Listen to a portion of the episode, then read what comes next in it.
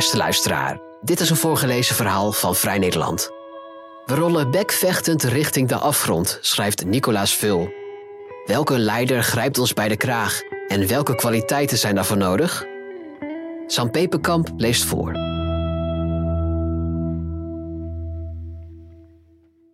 Deze professor is een linkse homofiel. Laat je niet beïnvloeden door deze propaganda. Het zijn zomaar wat comments onder een nieuwsbericht over een klimaatprofessor die in tranen uitbarstte omdat we de wereld vernielen. Met een hand voor mijn ogen volg ik dit soort discussies, die overal opduiken tijdens mijn doomscroll-sessies, gevangen in een limbo van platte nieuwsgierigheid en diepe mistroostigheid. De polarisatie groeit als een gezwel, zich voedend met wantrouwen. De grootste crisis moeten zich nog aandienen we rollen bekvechtend richting de afgrond. Welke leider grijpt ons bij de kraag? Ik moest denken aan mijn tijd als docent in het middelbaar onderwijs. Nergens leerde ik meer over leiders en groepsgedrag dan bij kinderen. Meester Kees, mijn klassencoach, vertelde: Leerlingen zijn een roedel wolven. Als ik in mijn vingers knip, doen ze wat ik zeg. Een goede leraar is zacht voor het individu, maar helder en streng op de groep. Kees wilde, na een les waarin ik compleet onderuit ging, duidelijk maken dat lesgeven voor een belangrijk deel gaat over leiderschap. Eerst moet je vertrouwen hebben en dat vertrouwen moet je winnen. Dat doe je niet door aardig te doen of de groep stroop rond de mond te smeren, dan lopen de leerlingen uiteindelijk over je heen. Voor respect moet je een hele moeilijke en lange weg afleggen met de groep. De eerste maanden tellen als de testperiode. Ik leerde een aantal basisregels.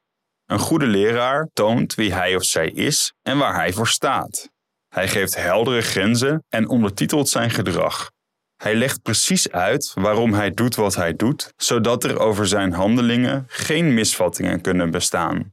Een leraar staat boven de groep en naast de leerling. Hij zet zijn emoties didactisch in. Hij wordt boos, maar niet te. Hij is geraakt, maar niet te. Hij lacht, maar niet te. Met schreeuwen, huilen, hard lachen, geliefd willen zijn, rancune, verlies je uiteindelijk de grip op de klas. Wie te emotioneel is, is onbetrouwbaar, helemaal in noodsituaties. Maar voor iemand die nooit te raken is, geldt dat ook. Hoe kun je bouwen op onzichtbare schouders? Meester Kees zei: De groep kijkt naar jou als leider.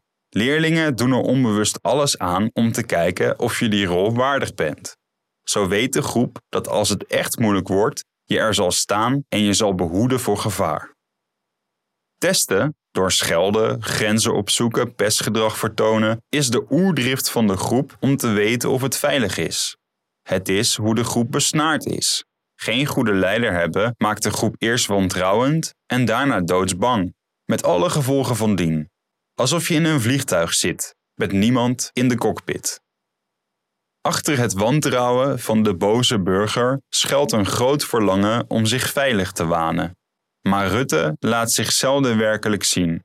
Zijn wegen zijn ondoorgrondelijk en echt te raken is hij niet. Dat is handig in het politieke steekspel, maar funest voor het vertrouwen van de groep. Straks staat de pestkop uit de klas voor het bord. Rancune en woede zijn Wilders grootste troeven als leider. En rekenschap hoeft de leider van de eenmanspartij niet te geven. De afgrond komt zo nog een stapje dichterbij. Een leraar is niet zoveel anders dan een politiek leider, maar dat besef lijkt in Den Haag niet ingedaald. Misschien zou meester Kees eens een tripje moeten maken naar het Binnenhof.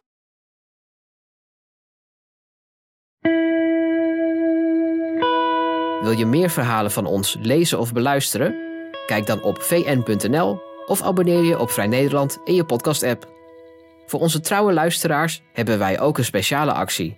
Een half jaar Vrij Nederland online voor maar 15 euro. Kijk voor de aanbieding en de voorwaarden op vn.nl/podcast. Bedankt voor het luisteren.